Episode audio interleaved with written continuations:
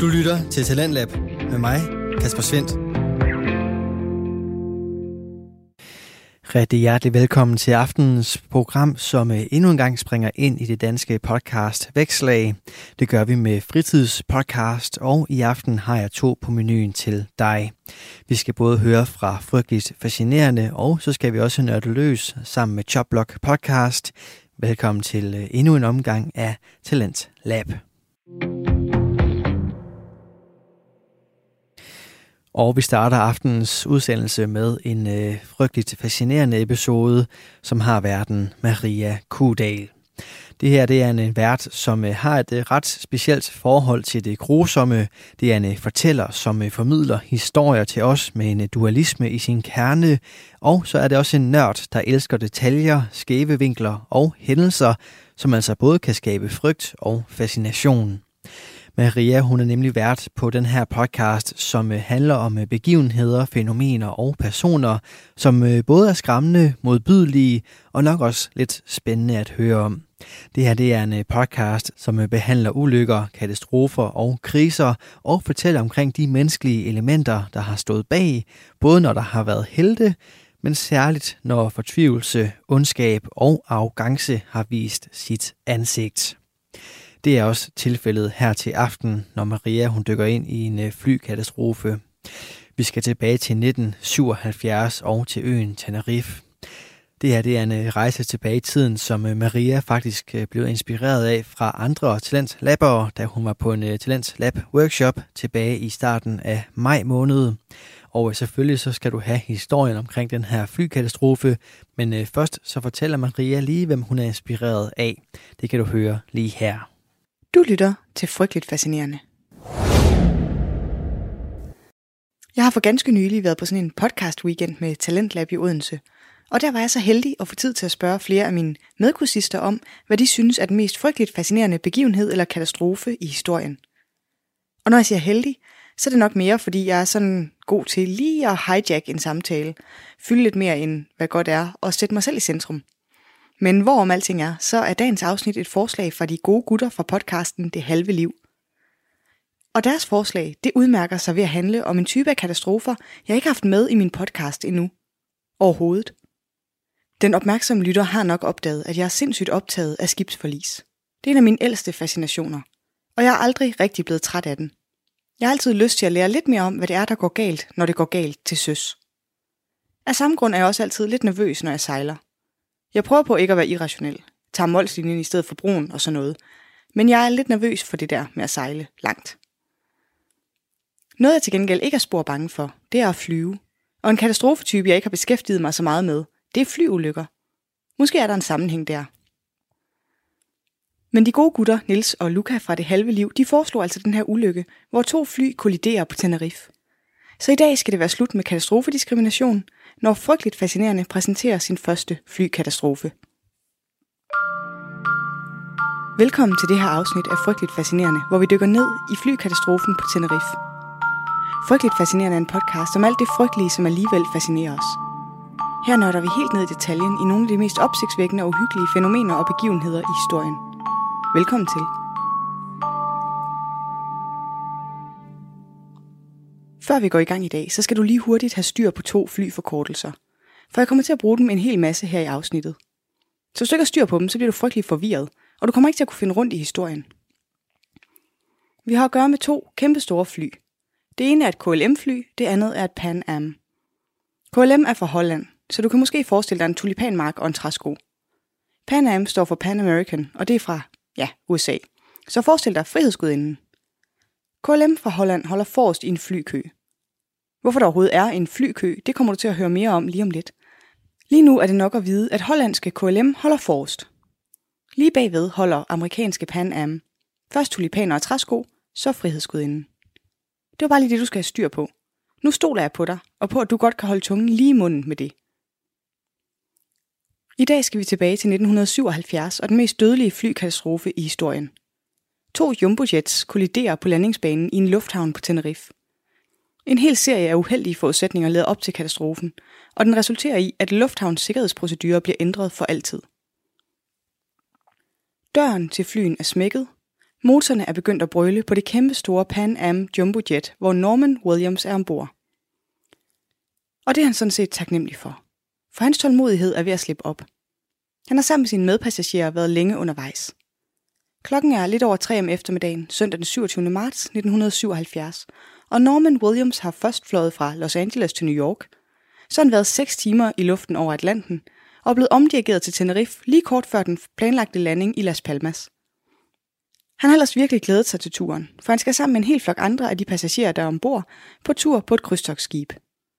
Og det afgår fra Las Palmas, på Gran Canaria.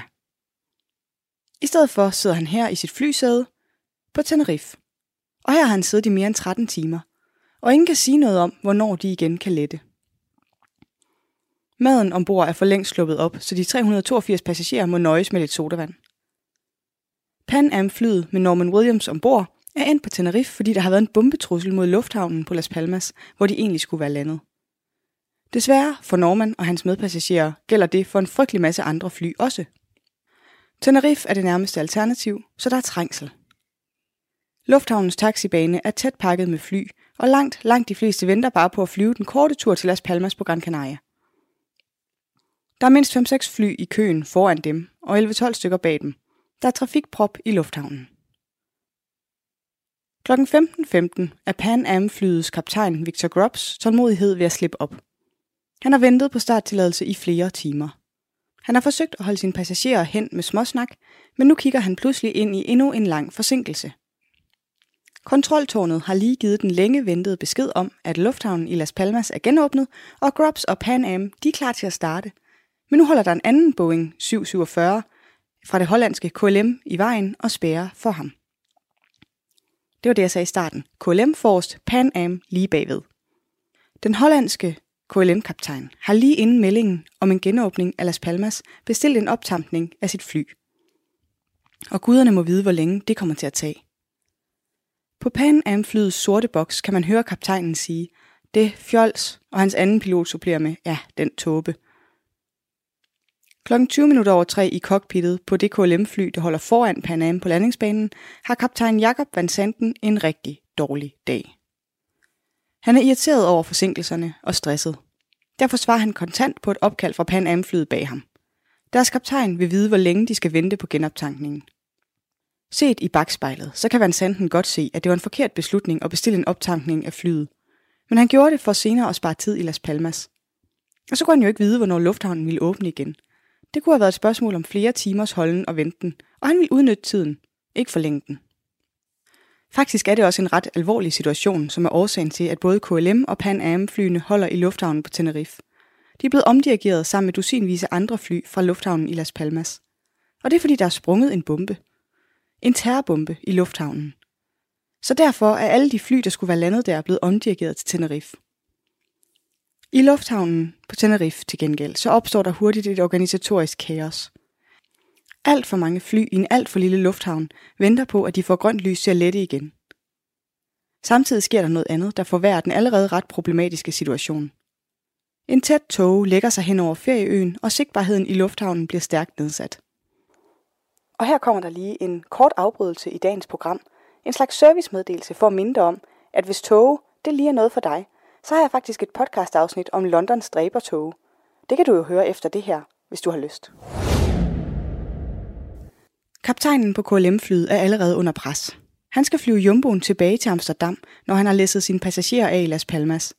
Og efter dagens lange forsinkelser, så risikerer han, at han og hans besætning kommer i problemer med hviletidsbestemmelserne. Og det er ret alvorligt. Ikke noget myndighederne tager let på, når det kommer til piloter. Jakob Van Santen, som er pilot på KLM-flyet, han er ikke nogen her hvem som helst.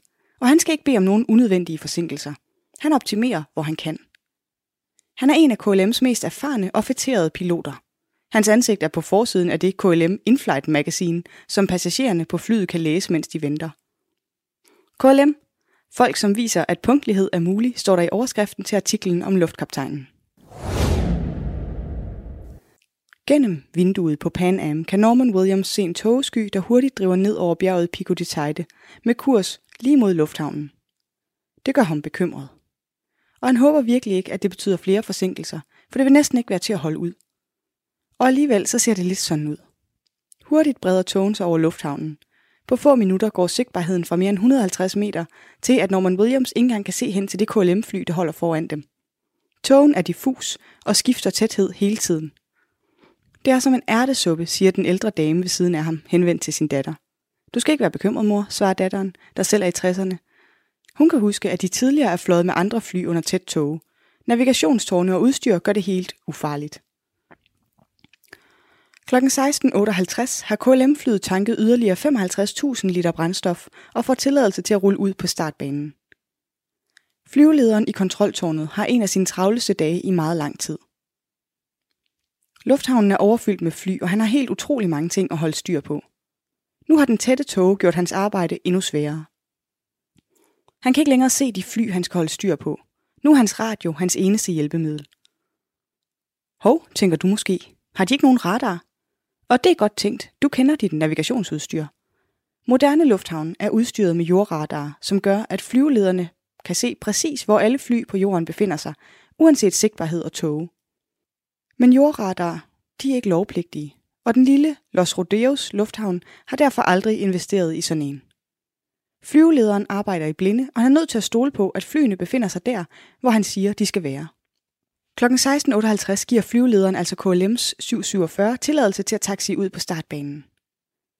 Lufthavnen er ikke som sådan bygget til så store fly, og flyvelederen siger derfor til KLM-piloterne, at de skal rulle helt ud til enden af startbanen, vende 180 grader og gøre klar til at lette i samme retning, som de kom fra. På den måde kommer flyet til at lette mod vinden. Det giver en langt bedre opdrift. Og det gør, at et meget stort fly kan lette fra en lidt kortere startbane. Få minutter efter, at han har sendt KLM-flyet ud på lufthavnens eneste startbane, giver flyvelederen Pan Am-flyet tilladelse til at følge efter med god afstand. Flyvelederen er under pres. Han vil gerne have afviklet den store pukkel af fly, der sidder i prop i hans lufthavn. De har håbet sig op hele dagen, og nu vil han gerne have afviklet noget trafik. Så for at spare tid, skal Pan Am-flyet følge efter KLM og dreje fra på tredje afkørsel og vente der, mens KLM-flyet letter. Kl. 17.01 i Pan Ams cockpit skrætter en besked ind på radioen fra flyvelederen. Den spanske accent gør det svært for kaptajnen at forstå, hvad der bliver sagt. Da han kalder Pan Am-flyet med dets navn og flynummer. 712, stand by break. Clipper 1736, leave the runway. Der 3, 1, 2, our left. Kaptajnen beder flyvelederen gentage. Leave the runway on the third one, your left, svarer tårnet på pilotens spørgsmål. Flyvelederens accent gør stadig meldingen svær at forstå, men Pan Am-flyets piloter konkluderer, at de skal dreje fra på tredje afkørsel. For at være sikker, siger de over radioen, Taxiing down the runway to the 1, 2, 3, third exit. Det er netop, hvad flyvelederen mener. Men på det her tidspunkt er Pan Am-flyet allerede forbi den første afkørsel, og piloterne tror, at flyvelederen mener den tredje afkørsel fra nu af, altså afkørsel 4. Misforståelsen betyder, at flyet er på startbanen i noget længere tid, end flyvelederen har tænkt sig. Kl. 17.06 kalder tårnet igen Pan Am-flyet, rapporterer startbanen klar. OK, rapporterer, når startbanen er klar, svarer piloterne på Pan Am-flyet, som endnu ikke er helt fremme ved afkørsel 4. Forude kan de gennem togen skimte lyset fra KLM-flyet, som vender rundt for enden af startbanen. Så det nu har næsen direkte imod dem. Pludselig fryser kaptajnen til is. Han kan ikke tro sine egne øjne. Uden en starttilladelse er KLM-flyet i fuld fart begyndt at accelerere frem mod dem. Se den satans, den idiot kommer lige imod os, råber han. Anden piloten skærer igennem. Kom væk, kom væk, brøler han desperat til sin kaptajn. Kaptajnen giver sin motorer gas og laver et skarpt sving væk fra startbanen, mens KLM-flyet tordner frem imod dem. Et minut tidligere, kl. 17.05 i KLM-cockpittet, er den stressede kaptajn Van Santen klar til start. Han har taxiet til enden af startbanen og har vendt sit fly, og nu skal de bare lige have godkendelse fra flyvelederen. Kaptajnen lægger med en utålmodig bevægelse sin højre hånd på sine fire gashåndtag og gør tydeligt mine til at presse dem fremad og starte. Det ved vi fra flyets sorte boks. Og det er også derfor, vi ved, at flyets unge anden pilot griber ind. Vent, vi har ikke ATC-godkendelse. Nej, det ved jeg godt, lyder det irriteret for vandsanten. Kom nu, bed om den. Anden piloten kalder tårnet og spørger efter godkendelsen. Svaret fra tårnet kommer prompte. KLM 8705, I er godkendt til Papa Beacon stigning og flyvehøjde 9.0. Højre sving efter start, kurs 040. Roger. Vi er godkendt til Papa Beacon stigningen, flyvehøjde 90, højre sving 040. Vi vil nu starte, svarer anden piloten. Og så tænker du måske, det er lige godt satans. Giver flyvelederen godt nok en starttilladelse, før han har fået clear fra Pan Am flyet på startbanen? Godt tænkt, men det gør han selvfølgelig ikke. Det er KLM-piloterne, der begår en fejl, som får katastrofale følger. En rutegodkendelse er ikke en starttilladelse. Før et fly må sætte i bevægelse, skal begge tilladelser være givet. Separat. Alligevel beslutter kaptajn Van Santen sig for at lette. Vi starter. Tjek, tryk. KLM-flyet begynder at accelerere. Fra kontroltårnet lyder det over radioen. Stand by til start. Jeg kalder jer. Og hurtigt efter, henvendt til Pan Am-flyet. Rapporter startbanen klar. OK, rapporterer, når startbanen er klar, svarer Pan Am flyets piloter, som vi hørte lige før. Er Pan Am'en ikke væk endnu, spørger KLM-flyets maskinist Wilhelm Schröder, der er i cockpittet sammen med KLM-piloterne. Åh oh, jo, svarer Van Sanden. Sekundet efter udbryder han et gisp. Gennem togen ser han omridset af Pan Am-flyet på startbanen, lige foran hans accelererende jumbojet. Og pludselig går det op for ham, hvad det er for en katastrofal fejl, han lige har begået. Men det er for sent at bremse, og det er for sent og for farligt at undvige. I stedet så gør han det eneste, han kan gøre. Han flår styrepindene tilbage og prøver desperat at tvinge sit tunge fly hurtigere op i luften. Et kort øjeblik ser det måske ud til at lykkes. Flyets hjul løfter sig fra jorden, næsen rejser sig og suser hen over Pan Am flyet. Så lyder der et brag. Da KLM-flyets landingshjul og en af motorerne rammer toppen af Pan Am-flyets kabine og flår den af. KLM-flyet styrter til jorden og rutscher 450 meter hen ad startbanen, inden det eksploderer i et gigantisk flammehav. Kaptajn Van Santen og alle 13 besætningsmedlemmer og 234 charterturister, mænd, kvinder og børn, brænder op i et gigantisk bål af jetmotorbenzin. Ikke en eneste fra det hollandske fly overlever ulykken. Kl. 17.06 på Pan Am-flyet har nogle passagerer i flyets ene side set KLM-flyet komme susende. Det kan kun have været et spørgsmål om sekunder. En kæmpe eksplosion, flammer og panik. Det første Norman Williams tænker er, at der er sprængt en bombe. Måske fordi terrorbomben i Las Palmas er så frisk i hans erindring. Han ser ild slik gennem kabinen og mærker stykker af brandvarmt metal ramme sit ansigt. Han ved med det samme, at han skal ud, og han opdager, at han på en eller anden måde har fået løsnet sit sikkerhedsbælte og nu står i det, der engang var flyets midtergang. Han ser ild rundt omkring i flyet, nogle sæderækker er helt opslugt. I andre sidder folk stadig uskatte, men apatiske, stivnet af chok. Norman Williams beskriver, at han mærker en kraftig overlevelsestrang i hele sin krop. På få sekunder bliver hans tanker klare. Han vil overleve. Han vil ud. Han kigger efter sin ven tæt, som sad lige foran ham kort for inden. Nu er han væk. Endnu en eksplosion ryster flykroppen. En vragdel flyver direkte mod Williams hoved. Instinktivt løfter han armene op og parerer. Af en eller anden grund mærker han slet ikke smerten. Han er selv overrasket over, at han overhovedet har kræfter til at afværge så stort et stykke vraggods. Han ved ikke, hvor de kræfter kommer fra. På sæderne bag Norman Williams er næsten alle døde. Deres kroppe brænder i flammerne, men ilden har endnu ikke rørt ham. Han begynder at bevæge sig fremad igennem den ødelagte kabine. Han mærker ingen synderlig panik. Han går forbi døde mennesker, sårede mennesker og chokerede mennesker, men lige nu gør det ikke noget indtryk på ham. Han skal bare ud. Han kæmper sig frem. Gulvet skråner kraftigt. Der er uendelig varmt i kabinen, og den er sprængt i stykker. Det er ikke nogen let sag.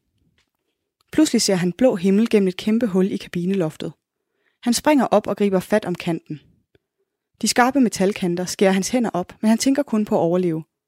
Han løfter sine 125 kilo op ved armene og kommer op på toppen af kabinen og derfra ud på flyets ene vinge. Afstanden fra vingen til jorden er cirka 10 meter, men Norman Williams tøver ikke. Han springer. Kl. 17.07, i det, der tidligere var lastrummet i Pan Am flyet, ligger purser Dorothy Kelly bevidstløs. Det brænder, og hun er desorienteret, da hun gradvist kommer til bevidsthed. Først forstår hun ikke, hvor hun er. På en måde husker hun, at kabinegulvet forsvandt under hendes fødder. Hun husker følelsen af et frit fald, og så ikke mere. Hun ligger i et virvar af kufferter. Blodet løber ned i hendes øjne fra et sår i panden. Der er helt mørkt omkring hende, men over sig kan hun se en smule lys. Hun klatrer op imod det og når til sidst op i flyvragets næse, hvor flere overlevende passagerer befinder sig. Hun hører flere gange lyden af små eksplosioner, men det, der for alvor gør hende bange, er lyden af flyets motorer, som stadig kører. Det ved hun er farligt. En kørende motor, ild og en masse flybrændstof. Det kan kun ende galt. Det er et spørgsmål om tid, før noget går galt ned i motoren, og Kelly forsøger at overtale de overlevende til at springe ud gennem et hul. Ingen af de bange passagerer er tør. Der er 12 meter ned til jorden. Kelly ved ikke, hvor hun får kræfterne fra, men i desperation begynder hun at skubbe folk ud gennem hullet. Da hun til sidst ikke ser flere overlevende, springer hun selv. På flyveturen arbejder Kelly som pøser, og hun skal befinde sig i den bagerste del af kabinen. Nærmest alle de passagerer og besætningsmedlemmer, der befandt sig bagerst i kabinen, blev dræbt under sammenstødet. Men i starten af turen har Kelly byttet plads med overpøseren, der ellers normalt har ansvar for at give passagerer meldinger over højtaleren. Overpøseren på turen talte med fransk accent og havde derfor bedt Kelly om at overtage. Overpøseren dør, men Kelly overlever. Halvandet år efter ulykken genoptager Kelly sit arbejde. En dag i december 1988 spørger en kollega hende, om hun vil bytte tur mellem England og USA. Kelly er på vej til at sige ja, men skifter mening, fordi turen kommer på tværs af hendes juleplaner. Turen var Pan Am Flight 103, og det ender bræt over den skotske by Lockerbie, da en bombe anbragte terrorister springer flyet i luften. Alle de 259 ombordværende bliver dræbt. Ude af flyet lander Kelly i knæhøjt græs og slår sig. Men hun har ikke brækket noget. Hun kommer på benene og råber til folk omkring hende, at de skal se at komme så langt væk fra flyet som overhovedet muligt, før det eksploderer. Passagererne gør, som hun siger. Flere har brækket knogler, da de lander på jorden, men når i sikkerhed med hjælp fra andre. Da hun kigger op på flyet, ser Kelly et redselssyn, som kommer til at give hende mareridt i mange år frem. Paniske mennesker, som hamrer løs på vinduerne i den brændende kabine, i et håbløst forsøg på at slippe ud. I mange år kunne jeg ikke kigge ind i en pejs uden at se mennesker i den, fortæller hun senere i et interview. I sin søgen efter overlevende nær vraget støder Kelly på kaptajn Grubbs, som ligger fortumlet på jorden. Hun griber fat under hans armhuler og slæber ham væk fra det brændende vrag. De er kun lige kommet på sikker afstand, da resterne af Pan Am-flyet eksploderer i tusind stykker. Efter sit lange spring fra flyets vinge lander Norman Williams på benene i det høje græs, der omgiver startbanen. Han brækker sin ene ankel, men det lykkes ham at halte væk fra det brændende fly. Og også han kommer i sikkerhed. Da han kigger tilbage mod ulykken, ser han kaptajnen ligge på knæ i græsset og hammer sin knytnæve i jorden. Han når også lige at se pøseren Kelly, som løber frem til kaptajnen og slæber ham i sikkerhed. Få minutter før den voldsomme eksplosion gør det helt sikkert, at der ikke længere er nogen i nærheden af flyet, der er i live. Kaptajn Jacob Van Santen har ry for at være KLM's bedste og mest erfarne pilot. Han har derfor ansvaret for uddannelsen af flyselskabets jumbojet-piloter. Da flyledelsen i KLM får besked om, at det er et af deres fly, der har været involveret i en ulykke på Tenerife, så er deres første reaktion at ringe til kaptajn Jacob Van Santen. Den 51-årige luftkaptajn er nemlig flyselskabets mest erfarne, og KLM-ledelsen mener, at han vil være den bedste til at undersøge ulykken. Først senere går det op for KLM, at det er Jacob Van Santen selv, der er involveret i flykatastrofen. Efter ulykken kommer det frem, at han få måneder tidligere selv var med til at uddanne og certificere den unge anden pilot, som han flyver med på ulykkesdagen. Nogle efterforskere har peget på, at det kan forklare, hvorfor anden piloten ikke tør gribe ind, da Van Santen gør klar til at lette uden tilladelse fra tårnet. Hvis anden piloten havde protesteret, kunne det måske have stoppet Van Santen, der var så fokuseret på forsinkelserne, at han simpelthen ikke hørte efter. Kl. 17.20 rykker lufthavnsområdets brandfolk ud til et kæmpestort benzinbål ved KLM-flyet. De aner ikke, at der er to fly involveret i ulykken. I togen kan de ikke se Panam-vraget. De første, der kommer til, er folk fra en nærliggende landsby. De kommer løbende med vandspande og våde håndklæder, som de pakker omkring de passagerer, der har brændsår. I mangel på ambulancer bliver mange kørt på hospitalet i privatbiler. Norman Williams bløder kraftigt fra sine hænder og bliver hjulpet ind i en privatbil af en ung mand i 20'erne. Han er en af de mange frivillige, som prøver at hjælpe så godt han kan. Manden kører stærkt, ud og ind gennem trafikken med hornet i bund. På kun 15 minutter bringer han Norman Williams til hospitalerne i byen Santa Cruz, hvor han bliver behandlet. Havarikommissionen placerer hovedansvaret for ulykken hos KLM-flyets kaptajn, Jacob Van Santen. Kaptajnen starter uden starttilladelse og ignorerer efterfølgende kontroltårnets instruks. Han overhører også sit eget besætningsmedlem, som bekymret spørger, om Pan Am-flyet er væk fra startbanen. Men flere faktorer spiller ind. I klart vejr vil KLM-kaptajnen umuligt kunne overse en jumbojet på startbanen foran ham men i togen arbejdede piloterne og kontroltårnet i blinde. En jordradar havde ændret på det, og kommissionen anbefaler derfor, at jordradaren blev gjort obligatorisk. Kommissionen hæfter sig også ved, at både KLM og Pan Am misforstår instrukser fra tårnet på grund af flyvelederens accent. Kommissionen anbefaler derfor brugen af engelske standardudtryk, så flyveledere og piloter ikke misforstår hinanden. Desuden kræver kommissionen bedre radiokommunikation. Faste procedurer skal fremover sikre, at rutegodkendelse og starttilladelse bliver givet i to separate meldinger, så rutegodkendelsen ikke igen bliver forvekslet med en starttilladelse. Mindre end 60 personer slipper ud af Pan Am-flyet i live. Ingen overlever ulykken på KLM. 583 turister brænder ihjel i en af historiens værste flykatastrofer den dag på Tenerife. Det var 28. afsnit af Frygteligt Fascinerende. Researchet skrevet, optaget og redigeret af mig. Jeg hedder Maria. Ugens afsnit er lavet med inspiration fra de gode gutter Nils og Luca fra podcasten Det Halve Liv, som handler om at være et ungt menneske med alt, som det indebærer. I den her uge er det podcastens fødselsdag, og det nævnte jeg også i sidste uge. Og nu løber min jingle ud igen. Sindssygt utjekket. Jeg har jo et års jubilæum som podcaster, ikke som musiker. Jeg ved ikke, hvordan man gør en jingle længere. Det eneste, jeg ønsker mig, det er, at du skriver en anmeldelse eller giver den nogle stjerner i din podcast-app. Så hvis du ikke allerede har gjort det, så kan du nå det endnu. Og det er også lidt strengt, for det er det eneste, jeg ønsker mig. Ikke så meget at bede om, synes jeg. Anyway, vi høres ved i næste uge. Tak for nu. I researchen til afsnittet har jeg brugt oplysninger fra BBC, The Guardian, Historienet, Air Crash Investigations af Alistair Fitzgerald, men særligt fra Norman Williams bog om at overleve ulykken. Den hedder Terror at Tenerife. Jeg ved ikke, om jeg som sådan anbefaler den. Hans overlevelse og selve ulykken er ret spændende beskrevet, men efter det kommer der en meget lang analyse af alle de måder, hvor det er Gud, der har reddet hans liv. Vildt meget religiøs prædiken. Det skal man altså lige være bevidst om. Det er den første tredjedel. Resten er mest om Gud. Du lytter til Radio 4. Og tilbage fra aftenens episode fra Frygteligt Fascinerende, som vi også skal huske at sige tillykke til for et øh, års podcast-produktion, så er du altså kommet tilbage til studiet her i Radio 4 og programmet Talents Lab, hvor Maria Kudal netop har givet dig en episode fra Frygteligt Fascinerende. Du kan finde flere episoder fra den her podcast inde på din foretrukne podcast tjeneste, og selvfølgelig også følge med inde på Instagram. Begge steder, der kan du også finde aftenens næste fritidspodcast. Den hedder Choplock Podcast og består af Andreas Nydam, Philip Lind og Claus Norberg. Og øh, vi skal nu til noget helt andet end øh, de her lidt frygtelige historier. For i stedet for, så skal du høre om øh, NFL, ligaen for amerikansk fodbold, der godt nok er inde i sin øh, off-season, altså i den periode af året, hvor der ikke spilles kampe, men de tre nørder, som både har spillet, trænet og dømt i sporten, de alle elsker, fortæller altså videre omkring forskellige historier, og i det her tilfælde et helt specielt hold, som lige trænger til lidt ekstra kærlighed. De tre værter de går til podcasten her med hver deres yndlingshold, og øh, det gør de for at inspirere til samme kærlighed til den her smukke og brutale sport, som øh, de bærer rundt på. I aften skal det handle om holdet Cincinnati Bengals, et øh, hold, der altid er lige ved og næsten, og det var de også i år, hvor de tabte finalen kaldet Super Bowl. Men vi skal helt tilbage til starten af holdets oprindelse, og øh, den rejse skal du med på her. Vi havde jo lovet en temaudsendelse først om Rams og om Bengals. Der gik lige et par måneder, før vi fik tid til det.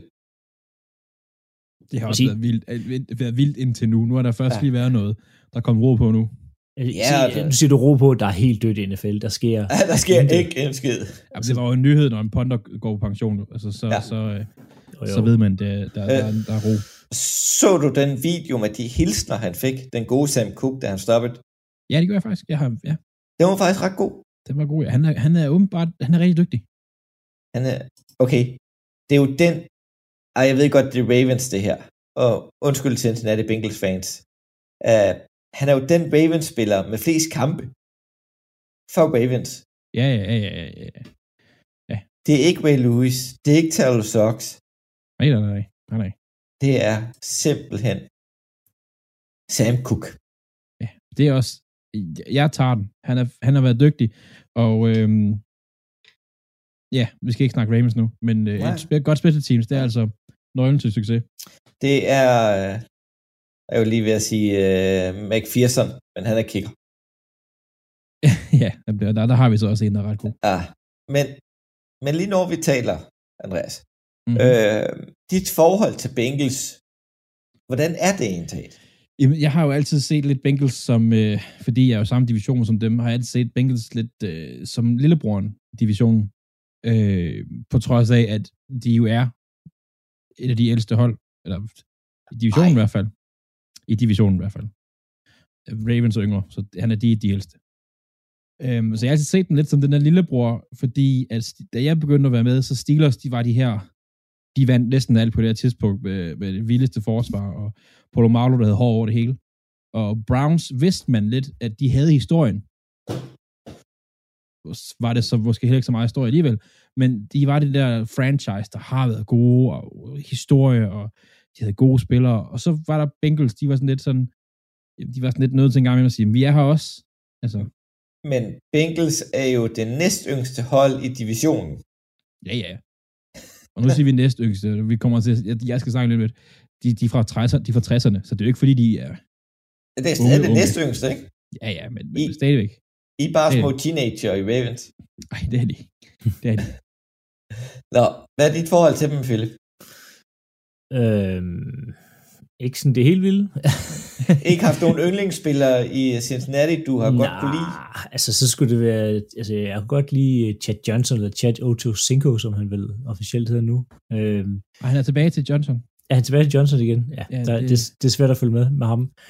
øhm, nej, det synes jeg har været en, øh, en, en sjov klub. Øh, det, altså, jeg har ikke noget forhold til Bengals som sådan. Altså, det, de spiller i, i AFC. Øh, man kan, altså, fede uniformer øh, med de her tierstriber her. Øh, men altså ikke. Og så vil jeg sige, så vil jeg faktisk rose Bengals, og noget jeg fandt ud af, øh, da vi har, mens jeg har lavet research til det her, det er, at de har nok NFL's bedste sådan, team history side inde på deres, øh, det hvis man går ind, ind, ind på Bengals, øh, så er der sådan en, går noget history, så den er sådan så vel gennemført ud, for det er sådan så nemt, de har øh, beskrevet hvert år, selv de år, de er dårlige, man kan gå ind og slå alle holdrekorder op, altså lige fra øh, en spiller, der tilbage i 60'erne har grebet en bold for to yards, ham kan du se, hvor han ligger henne på deres forskellige lister. Øhm, så det er, det var fedt ved Bengals, det er et kæmpe plus, men ellers så har jeg ikke så meget Nej. forhold til dem. Jeg vil sige, at, at Bengals har... Jo, man har da fulgt lidt med, når man, de har lavet en overraskelse mod Ravens, og har sagt, ja, det er meget godt, det her. Nej. men, Jo. men Bengals har jo bare været Bengals sådan lidt irrelevante, lidt middelmådige. Jeg kunne faktisk godt lide Carson Palmer. Jeg har faktisk en trøje med ham derude i garagen. Jamen det, ja, Parma er også, synes jeg, det har jeg været, synes mange, meget lang tid, altså var øh, undervurderet. Ja. Øh, han blev draftet for højt måske. Han var nummer et. Øh, var måske ikke der, hvor hans talent lå, men han var undervurderet. Det synes jeg. Ja, han, han, han, han gjorde det rigtig godt. Ja. Øhm, Og og bare, også bare det holdt meget længe. Ja, ja, og var måske også bedre, når man tænker på, hvad, der kommer vi ind på, man tænker på, hvilket mandskab Bengals har haft, og hvilke pers- personligheder de har haft i det locker room der, så, så skal han have større credit for, hvad der ligesom... Øh, Og, og så Den havde de de haft. wide receiver med det fedeste navn. Det kunne knap nok stå på trøjen. TJ Pusmansada. Ja. Altså, han, der var ikke plads nok på trøjen. Det, det buede. Det kunne jeg godt lide. Ja. Og så at han er draftet i 6. runde, det gør ikke noget. Nej.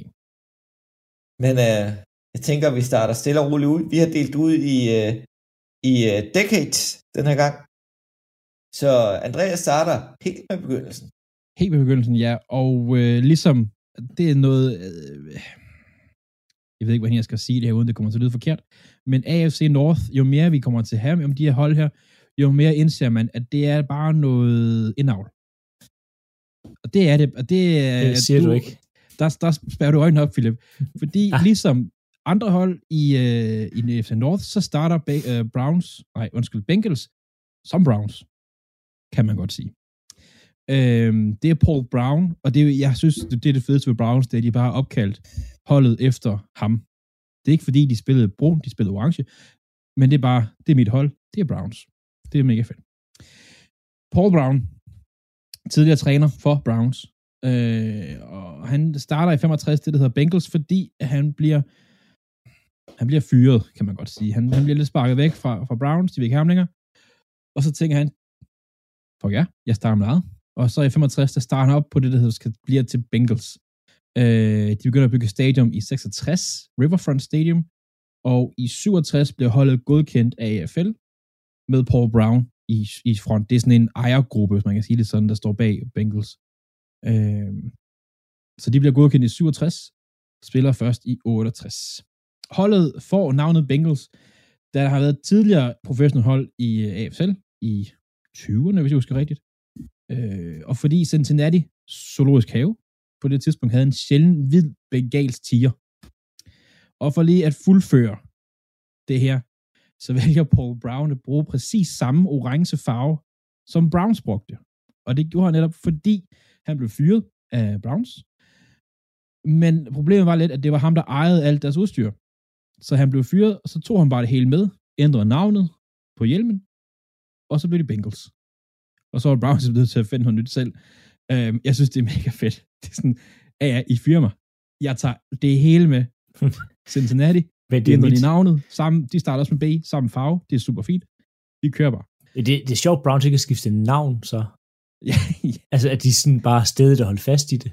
og de, ja også, altså, ja, nu har jeg ikke inde at tjekke farvekoderne, men det ligner stadigvæk lidt samme farve. Jo, jo, men ja, der er nok øh, meget, meget lidt til forskel. Ja, ja. Men altså, de kan ikke skifte navn nu, Browns, men det, det undrer mig, at de ikke har skiftet navn på det tidspunkt. De, de fyrer ham, og han så bare har taget det hele, så kunne de lige så godt have kaldt sig noget andet. Ja, ja, Ja. ja, men, men, men ja, de har nok på det, det er, jo, det er jo efter en periode, hvor Browns har været gode, så de har sikkert tænkt, det skal vi ikke gøre. Nej. Det er ikke vores ansvar, eller sådan. det er ikke vores opgave, hvis man kan sige det sådan. Men, Kender øh, I, kender I til, om der tidligere har været øh, spillet pro football i øh, Cincinnati? Jamen, der skulle gerne være, og jeg har ikke rigtig kunne finde noget sådan meget på det. Øh, de er opkaldt efter tidligere AFA-hold, AFL professional hold, øh, der hedder noget med Tigers. Nej, nu er det så øh, øh, Pro Football Reference, jeg har her. Altså Nå. Cincinnati Celtics, eller E C-E-L-T-S. Celtics. Celt, Celt, Celtics. Kel-. Ja, Ja. ja, der har været et hold, Ja, der starter med C. der var to, Ja. ja. og så Cincinnati Re- Reds. Øh, men så var der jo den hvide bengalske tiger i Zoologisk Have, og de tænkte, Det er den, vi den kan folk godt lide. Øhm, vi har jo snakket om andre hold, hvor det har været sådan en, øh, det har i hvert fald været brugt meget i øh, NBA i hvert fald, sådan fanstemmer. Øh, det har Paul Brown ikke givet det her. Nej. Der har Han har han været helt kold. fuldstændig. Oh. Fuldstændig. Så de er, de er klar i øh, 68 til at spille deres første kamp. Og øh, de første par kampe, det øh, har vi uddelegeret til Philip i dagens anledning. Han, kan kun, han kunne lige klare de to sæsoner. Ja, øhm, jamen, NFL og AFL og så alt det her, det bliver lagt sammen, øhm, og så begynder vi de så at komme ud af i NFL. De første to år, øh, så jeg skal tale om det her 68 og 69, øhm, og Bengals starter ud, øhm, som vi har kendt dem, start ud med at tabe. de taber de første seks ud af syv kampe. Øhm, men på mirakuløs vis, så får de vendt skuden rundt her i, i 68, og ender så med at vinde de sidste syv kampe, og, og ender øh, 8 og 6, og vinder øh, det på et tidspunkt, det der hedder AFC Central. Øhm, og de kommer så i playoff, og her taber de til Baltimore Coles 17-0 i første runde. Så det var ligesom, øh, så var de, øh, så var de i gang. I, øh, I 69, der vælger de øh, en quarterback, øh, nummer 5 overall, der hedder Greg Cook.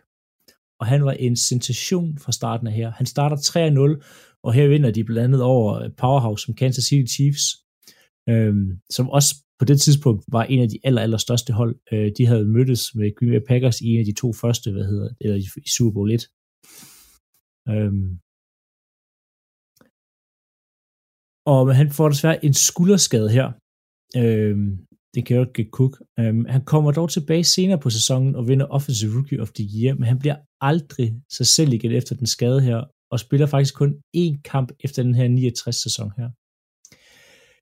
Det, der er rimelig vildt med ham, det er hans average yards per attempt er 9,41. Det er en rekord, der stadig står i dag for Bengals. Det er rigtig, rigtig meget i det tidspunkt, altså på fodbold, øh, på det tidspunkt der. Øhm, de ender desværre øh, 4, 9 og 1 det her år her. Øhm, Udover Greg Cook, så vælger de også en linebacker, der hedder Bill øh, Burgery, som hvad, hvad hedder det, anden rundevalget. Og han bliver så øh, Defensive Rookie of the Year. Øhm, og så sådan en, en lille sjov ting. Øh, I 69, i den 9. november, der er det første gang i franchise history, at de spiller på Ast, hvad hedder det, AstroTurf, eller det her artificial turf, ned i Houston, hvor de får deres uafgjort øh, 31-31. Og det er ikke Houston Texans, de møder, men Houston Oilers. Dem kommer vi ind på lige om et øjeblik. For, øh, for det er lidt ligesom, de allerede har startet den måde, vi kender Bengals i dag. De svære 70'ere starter. Altså, der er sgu ikke meget positivt at sige. Altså. Ej, der, der er ikke meget positivt. Den starter lidt tungt. 8 sejre. Altså, de, de er sjældent højt oppe. De, de er hele tre gange i playoff i 70'erne. Men de dvæfter en spiller, der hedder Kent Anderson. Bliver MVP i løbet af sin karriere. Spiller skide godt, high flying, virkelig højt scorende. Så er det bare ærgerligt, at han ikke havde noget forsvar med sig en gang imellem. Men han havde en kamp nede i Houston mod, øh, mod Oilers. Øh, og den endte 61-17 som rekord den dag i dag. Med kamp med, med højt scoret point af Bengals. Når vi taler Kent Anderson, han er MVP, ja, for ligaen, men han, han kommer aldrig i Hall of Fame. Han er sådan den der ukendte, gode quarterback tilbage i tiden. Ellers ret middelmodigt. 10, tre gange er de med i playoff med øh, en 11-3 sæson og to 11 og 10 sæsoner. Ellers er der mange af deres sæsoner, der kun bliver til fire sejre. Det er ikke imponerende. 4 til 8 sejre resten af, af årene. I øh, 1975, efter sæsonen der, der stopper Paul Brown som træner, og bliver ejer slash GM derefter. Og efter 75, der skiftede de træner tre gange på fem år. Udover Kent Anderson, så havde de et par, par gode spillere fra 70'erne, man skulle på. Uh, det er Isaac Crust, en lille, hurtig wide receiver, og DB Lemar Brigitte, der blev uh, uh, cornerback, der blev Pro Bowl hele otte gange, og han skiftede i 77 til Washington Redskins. Og det hed det dengang. Det, det hed det dengang, så jeg må godt sige det. det bliver aldrig godt. Andreas, Andreas du skal bippe det ud. Men det, det, de er bare kommet dårligt fra start her. Altså, så, så meget er der ikke at sige, sige godt om det. Om så vent til vi kommer til 90'erne. Men, men en sjov detalje med Ken Anderson, jeg ved ikke om lige, om jeg fik sagt det. Han er jo rent faktisk passing leader for Cincinnati Bengals den dag i dag. Det er den spiller, der har kastet for flest yards for klubben. Det er ikke Boomer Eisen, det er ikke Andrew Dalton, det er ikke Carson Palmer. Altså, det er kendt. Det er... tilbage i 70'erne. Og, det, det, han, har, han, har, han, har, han har kun noget, men som du siger, han er lidt den der kendte, ukendte. Ja. Øh, når folk ser all-time rankings, så er de sådan lidt, hvem er det? Øh, Øh. han, han har kastet 32.000 yards og 197 touchdowns. Ja. På, hvad bliver det? Det bliver f- 15 år. Ja. Ja. Jo. Det, Ved du, så, er- ved du, hvem der er nummer to på listen? det må være Andrew Dalton. Det er det. Med 31.594 yards. Så Det, altså, han skulle, Andy, han skulle lige have taget lidt mere. Lige haft lidt mere. Ej, det er Ja, ikke... Det fik han ikke lov til. Det er Brett Weifel. Men, men, men det er jo en rekord, der står fra fald, hvis, hvad hedder det, de kan holde Joe Burrow rask, så er det ja. en, han sagtens skal komme op og tage. Ja, ja. Ja, Det er, Det- er hvis, og det, som vi kommer til at, at snakke om lidt senere her, i hvert fald jeg kommer til at snakke om, det er ikke øh, nødvendigvis noget, der er, der, du har allerede nævnt lidt, Philip, med ham, de draftede i 68, øh, eller var det 69, det er heller ikke noget, de er særlig gode til senere hen.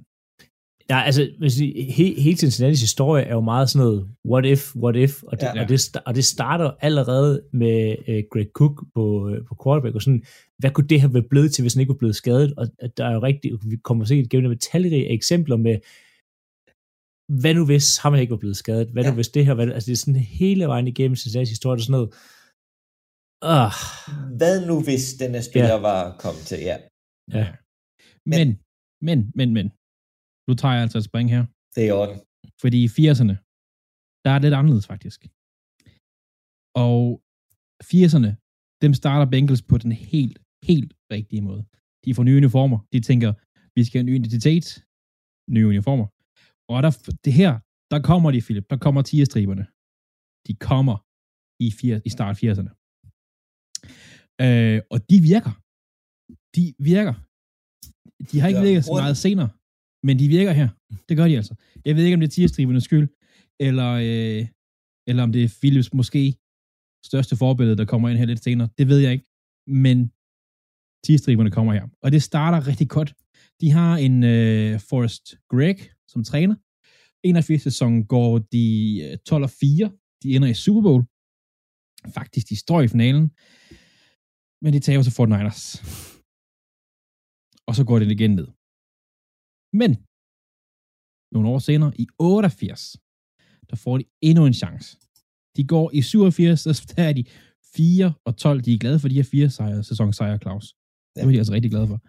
Men i 87 er de 4 og 12 og går til 12 og 4 i 88 med en Sam Weiss som træner. Og her ender de igen i Super Bowl. Men de møder altså Fort Niners igen. Og der taber de. Så de Men- er i Super Bowl to gange i 80'erne. Men en sjov detalje med Sam Rice. Han var tidligere offensive coordinator i San Francisco 49ers. Det er rigtigt, ja. Øh, og der er nemlig noget her, der spiller nemlig lidt overens, fordi i 80'erne, der får de nemlig Boober Esiason. Og det er et navn, som måske ringer en klok rundt omkring, fordi han er i dag, øh, jeg kan ikke huske, om det er, er det CBS? Uh, jeg kan ikke huske, hvor han er, på grund af, at de skifter helt vildt den her sæson. Ja, det gør de. Øh, men han er kommentator.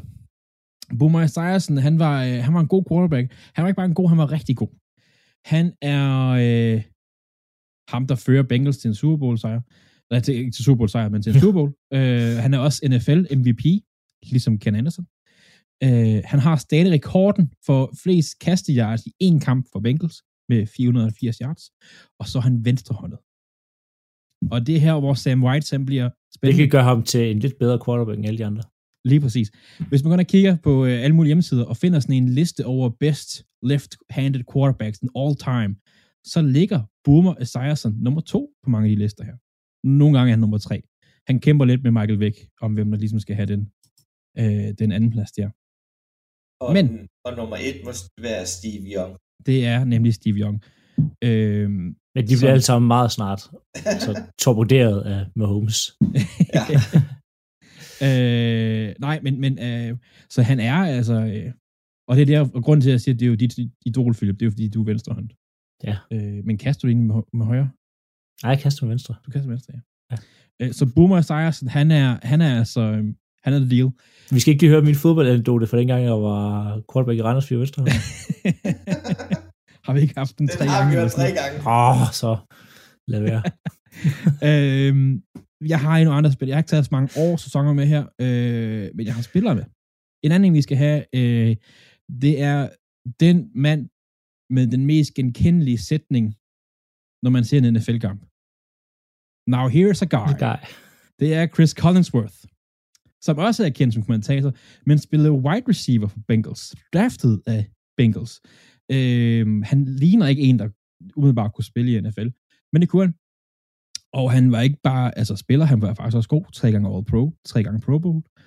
Dengang Pro Bowl faktisk betød lidt. Øh, han draftede 81, og øh, var rigtig god. Og i dag, der er han, han jeg føler, han er sådan en, øh, men enten så elsker man, eller så hader man Chris Collinsworth. Jeg er ikke fan, men det er jeg ikke. Ej, jeg synes, han, øh, han er de bedre kommentatorer. Han bliver sådan lidt sådan en... Now here's a guy. ja, jamen, han er sådan en, han er sådan en, han lyder som om han sådan drikker øl med spillerne hele tiden. Ham her, Ja. han siger, og sådan noget. Det er også lige meget. Øh, vi skal lige have en, en forsvarsspiller med her også, øh, fra 80'erne. Tim Crumry. Øh, jeg har skrevet her, at Bengals måske bedste D-line-spiller nogensinde, mest for at skabe lidt kontrovers måske. Han er to gange All-Pro og to gange Pro Bowl. Øh, defensive tackle var rigtig god her i 80'erne. Men vi kan ikke sige Cincinnati Bengals og 80'erne uden at snakke Anthony Munoz. Offensiv tackle. Holdets, nu siger jeg det, Philip, holdets eneste Hall of Fame-spiller. Mm, Holdets eneste drafted Hall of ja, Fame-spiller. det er bedre. Øh, Det, vil- det vil jeg acceptere. fordi selvom Bengals har øh, været her siden, øh, ja, her, øh, siden 68, så har de kun draftet én Hall of Fame-spiller. Øh, de har to andre. Den ene kommer ind på, de kommer ind på senere. Den anden kender jeg ikke. Øh, han var også kun der på. En receiver. Øh, Charlie han? Joyner. Charlie Joyner. Det var det 70'erne faktisk, Claus. Ja. De dårlige år i 70'erne. Men det er, hvad det er. Øh, nej, Anthony Munoz, han er i dag stadigvæk anset som en af de absolut all-time great offensive tackles. Og det er svært at vurdere, og det er svært at forklare med en tackle, fordi der er ikke de der, han kastede for 32.000 yards. Det gør en tackle ikke, men han var bare, han var vild. Han spillede 185 kampe, øh, mellem øh, 80 og 92. Starter 183 af dem. Og det han er sådan en, når, når spillerne selv skal forklare om, hvem de synes, sin historisk set synes, er den bedste på den her position og sådan noget, så er Anthony Munoz altså en, der bliver nævnt i, jeg føler til, at han bliver nævnt som top 3, top 5 all-time tackles her. Så det er virkelig, vi snakker top of the line øh, for den her position. Så når Bengals rammer rigtigt på den, så rammer de satme også rigtigt.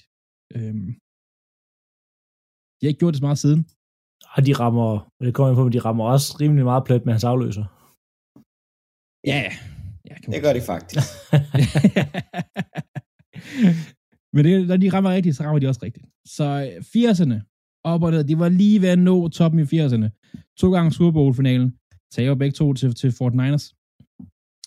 De har Boomer Esiason, Chris Collinsworth, uh, Munoz, Crumry, de har altså faktisk nogle gode spillere her. Og det vel også lige ved, at øh, Will Anderson, det er ham, der afløser Tony Munoz, det vel også, nu er jeg lidt usikker på, men det vel lige ved, at bliver Will Anderson ikke afløst af øh, Andrew Whitworth. Whitworth.